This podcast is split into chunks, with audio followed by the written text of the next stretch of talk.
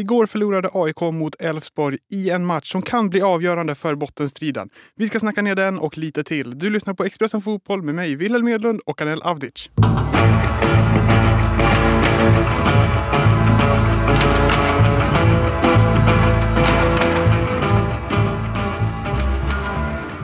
Anel, du var på plats i Borås för att titta på Elfsborg mot AIK. Berätta, vad var det som hände där nere? Nej, men det var ju faktiskt en eh, väldigt sevärd match. Eh, först och främst så tyckte jag att det var en eh, fantastisk liksom, inramning på Borås Arena. 12 500 som hade tagit sig till matchen för att se ett Elfsborg med guldvittring och som hade chansen att återta serieledningen vid seger. Och det gjorde de också. Eh, jag tycker faktiskt att det blev en eh, komfortabel 3-0-seger till slut. Eh, matchen i sig, AIK hade väl... Det är väl, det är, det är väl alltid så när Elfsborg spelar sina matcher, vet du numera, att de, de är inte särskilt intresserade av att äga bollen eller ha världens högsta bollinnehav, utan de är mer så att motståndarna får jättegärna trilla boll, Sen pressar de eh, där liksom på de farligaste ytorna på, på liksom offensiv plan, plan halva, återerövrar bollen, tre passningar och så är det oftast en farlig målchans. Och det var väl så, eh, i alla fall första och andra målet kom, kom till att eh, Elfsborg eh, fick otroligt bra betalt eh, i sitt pressspel eh, och liksom kvartetten om vi får kalla det, längst fram är Baidoo som spelade i någon form av nummer 10-roll, eh, Ockels och eh, Frick då, också som var någon form av nia. Och sen på den andra kanten tror jag att det var Hedlund. Eh, att eh, de fyra hittade ju varandra gång på gång på gång. Och eh, jag tycker att Elfsborg gör en riktigt, riktigt stark insats. Eh, trots att AIK faktiskt på något sätt inte var...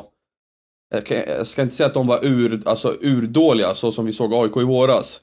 Det var liksom en eh, helt okej okay bortamatch. Men eh, ja, igår kväll så mötte de ett eh, ett lite för bra Elfsborg och det syntes ju att eh, det ena laget toppade den allsvenska tabellen om man säger så. Du var inne på det lite med bollinnehavet just. Jag läste på eh, att de hade, de hade 47 procent bollinnehav i snitt den här säsongen och leder allsvenskan med tre omgångar kvar.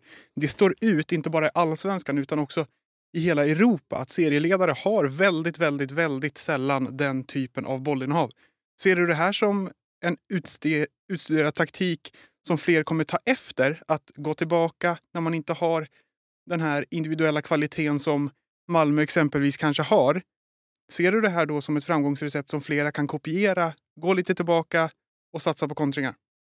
Ja men kanske. Eh, det är ju, eh, alltså det är värt att säga att eh, Elfsborg eh, hade väl delar av första halvleken 44% bollinnehav och när första halvleken var slut så tror jag att det var nere på 34% boll, boll, bollinnehav. Så det, det säger ju någonting om att de inte är särskilt intresserade av att äga bollen och eh, liksom bryta ner motståndarna. Jag tror absolut att det kan vara en trend och vi har väl fått se det lite grann ute i Europa. Så eh, ska man beskriva Elfsborgs sätt att spela fotboll med något sånt här eh, någon typisk fotbollsterm så är det kanske det, det, det närmsta man kommer någon form av gegenpress. Eh, och det har, vi, det har vi fått se lite grann ute i Europa med Dortmund och Liverpool och så. Så att nog finns det fotbollslag där ute som, som eh, har liknande tendenser. Eh, och jag tror absolut att, att eh, det kan bli, liksom att den trenden kan växa sig starkare. Eh, men i Allsvenskan tycker jag att Elfsborg sticker ut eh, ur det perspektivet. Och det råder ingen tvivel om att de är bäst på det de gör. Är det nu vi lär oss då en gång för alla att högt bollinnehav innebär inte att man är bättre i en match? Absolut. Det, eh, det, det, kan vi nog skriva, skriva under på. Alltså det handlar inte bara om att trilla bollen, eh, utan det handlar om att sätta bollen i mål framförallt och vad gör man av bollen liksom? Och det känns ju som att så fort Elfsborg vinner bollen Eh, de vill ju åt spe specifika ytor på motståndarens planhalva och när de väl vinner bollarna där, då smäller det alltså. Eh, och, och ja, jag, jag förespråkar hellre den typen av fotboll än det här klassiska passning på passning på passning i 60 minuter som, som inte alltid leder till någonting. Eh, för mig är det väldigt tål tålamodsprövande eh, när, man liksom när man betraktar ett sånt lag från läktaren. Ja, och om vi kommer över på motståndarlaget i den här matchen som är AIK, utan att ha några siffror på deras bollinnehav så kan vi konstatera att de säkerligen har haft mer boll i sin egen backlinje än vad Elfsborg har haft i alla fall. Ja, och det har väl varit akilleshälen eh, den här säsongen. Tycker inte att defensiven totalt sett har varit sådär AIK-stabil. Eh, nu har de ju inte spelat den, den fotbollen som, eh, som de kanske historiskt har gjort de senaste säsongerna, den här med shape och en defensiv stark liksom defensiv form utan det har varit lite för enkla mål och när de mötte Elfsborg här igår kväll så var det ju också jag tycker väl att alla tre målen egentligen ur ett försvarsperspektiv var väldigt billiga. Eh, men, men det är liksom, ja. De, är, de har hittat någon form av stabilitet på, på hemmaplan. Ett par hållna nollor där mot Mjällby, Djurgården och Varberg och så. Eh, men de har inte riktigt varit lika framgångsrika på bortaplan och det är väl tur för AIKs del då att det är tre lag eh, som är sämre då, i form av BP, Degerfors och Varberg. Eh, för annars hade de nog legat eh, riktigt, riktigt pyrt till. Välkommen till Coolbet där spänningen aldrig tar slut och underhållningen står i centrum. Här får du inte bara Sveriges bästa fotbollsodds, du får också en spel...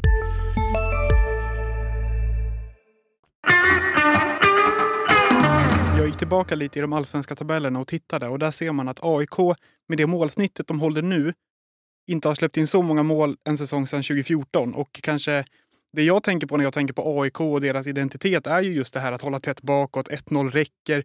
Kanske främst eh, under guldsäsongen 2018 när de inte släppt in många mål alls. Men det har de ju gått ifrån.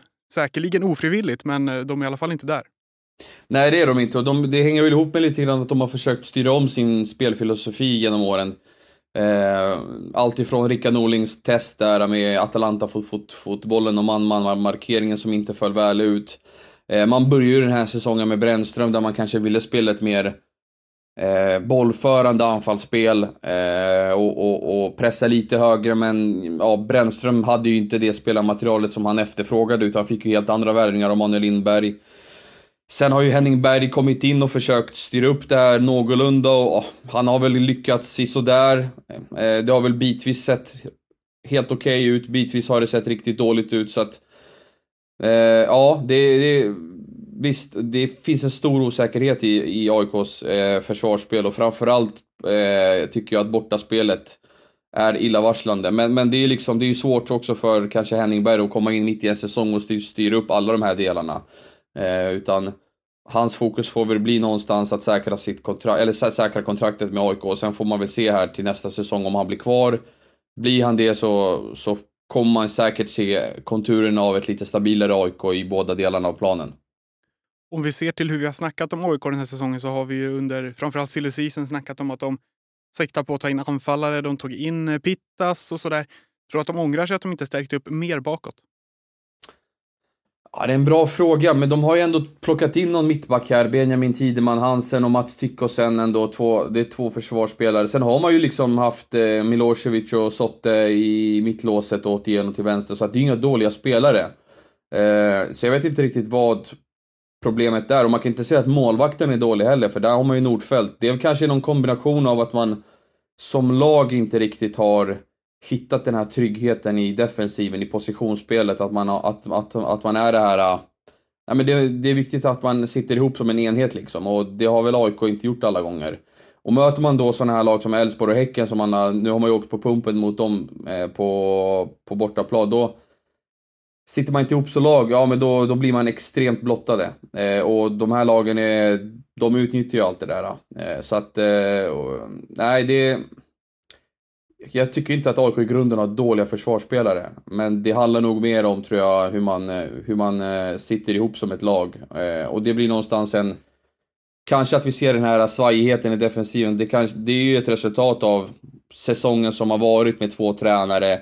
Väldigt stor ruljans i spelartruppen med liksom sex nya spelare som värvades in i somras och, och, och en del som, som fick lämna och sådär. Så att eh, det är nog en kombination tror jag. Och för om vi kollar på dem spelare för spelare så är det ju inte dåliga spelare. Men man kan ju inte påstå att de har kommit upp i sin egen högsta nivå. Det kan de inte själva tycka.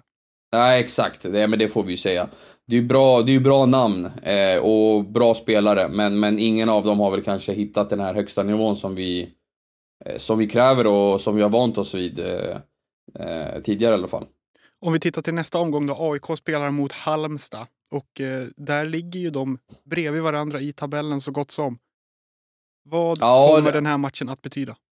Nej men den är ju extremt viktig. Jag skulle väl säga så här, vinner AIK den så borde man ju nästan ha säkrat nytt kontrakt. Eh, man har fyra poäng ner till BP på kvalplats, fem om man räknar ihop målskillnaden också som talar till AIKs favör. Eh, det var de noga med att påpeka efter slutsignalen igår att eh, men vi, må- målskillnaden är faktiskt på vår sida. Så att, eh, ja, men vinner man mot Halmstad så ska man vara safe, eh, känns det som. Då ska det väl mycket till. Eh, så att det är en extremt viktig match. Dock så är Otieno avstängd och eh, Saletros utgick ju skadad igår. Så att eh, ja, vi vet ju inte än vad som händer med honom idag. Han kommer ju röntgas här under tisdagen. Eh, så att, ja, eh, tvingas man klara sig utan de två, eller ja, Otieno kommer man ju behöva klara, klara sig utan oavsett, men ponera att Saletros är borta också, då blir det ju extremt tufft för dem. Eh, så att, eh, nej, men jag tror väl ändå att AIK ska kunna lösa det på hemmaplan. Eh, och ta tre poäng mot Halmstad. Det känns väl som det. Även om man, man ska väl inte räkna ut Halmstad, men de har gått tungt eh, efter, alltså efter uppehållet totalt sett.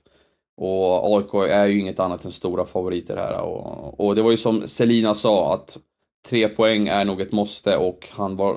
Han lät rätt säker på sin sak när han, när han, när han sa att de skulle vinna mot Halmstad. Så att det är väl det jag tror också någonstans, att, att eh, eh, AIK står som segrare här till helgen. Hej, Ulf Kristersson här. På många sätt är det en mörk tid vi lever i. Men nu tar vi ett stort steg för att göra Sverige till en tryggare och säkrare plats. Sverige är nu medlem i Nato. En för alla, alla för en. Har du också valt att bli egen? Då är det viktigt att skaffa en bra företagsförsäkring. Hos oss är alla småföretag stora och inga frågor för små. Swedeas företagsförsäkring är anpassad för mindre företag och täcker även sånt som din hemförsäkring inte täcker. Gå in på swedea.se företag och jämför själv.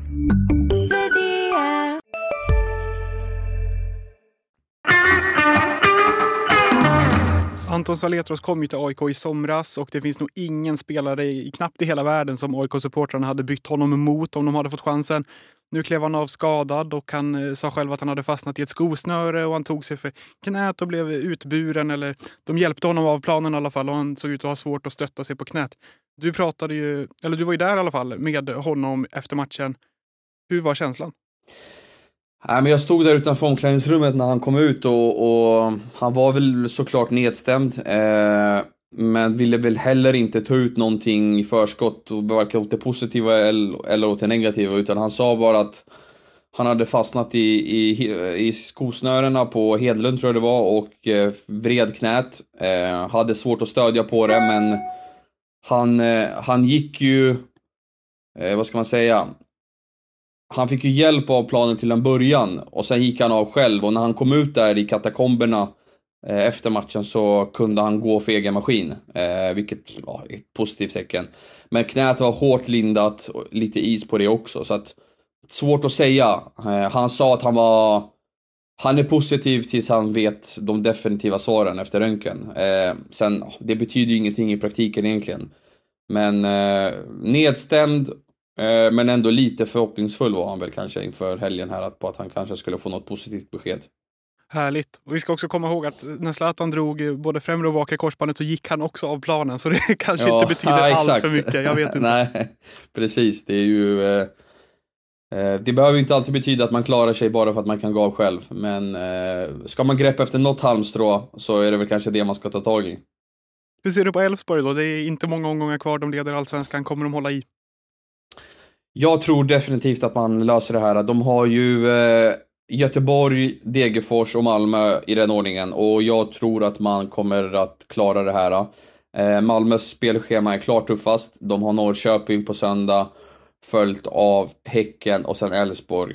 Eh, de behöver gå rent samtidigt som Elfsborg ska tappa poäng. Ja, ska vi Elfsborg tappa, ja då kanske de tappar det här mot, eh, mot Blåvitt då, men men jag tror att Elfsborg löser det här. Det känns som att de... Eh, jag pratade med flera spelare igår också. Jag tyckte förutsättningarna inför AIK-matchen var ju väldigt tydliga. De behövde vinna, men ändå kändes Elfsborg inte som helst... Alltså de, de kändes inte tagna av stundens allvar, utan de gick ut och körde sitt spel.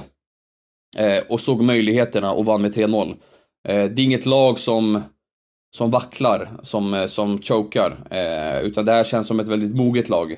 Eh, och därför tror jag också att de kommer lösa det. Eh, det känns som att de kan hålla nerverna i styr lite grann. Eh, så att, eh, nej jag, jag tror att Elfsborg blir svenska mästare. Det är jag inte helt säker på, men det är min magkänsla. Anel tippar. Elfsborg vinner SM-guld, AIK spöar Halmstad och klarar sig kvar. Är det slutorden? ja, men någonstans. Det känns bra att vi knyter upp säcken på det sättet. Härligt. Tack för att ni har lyssnat. Vi hörs nästa gång.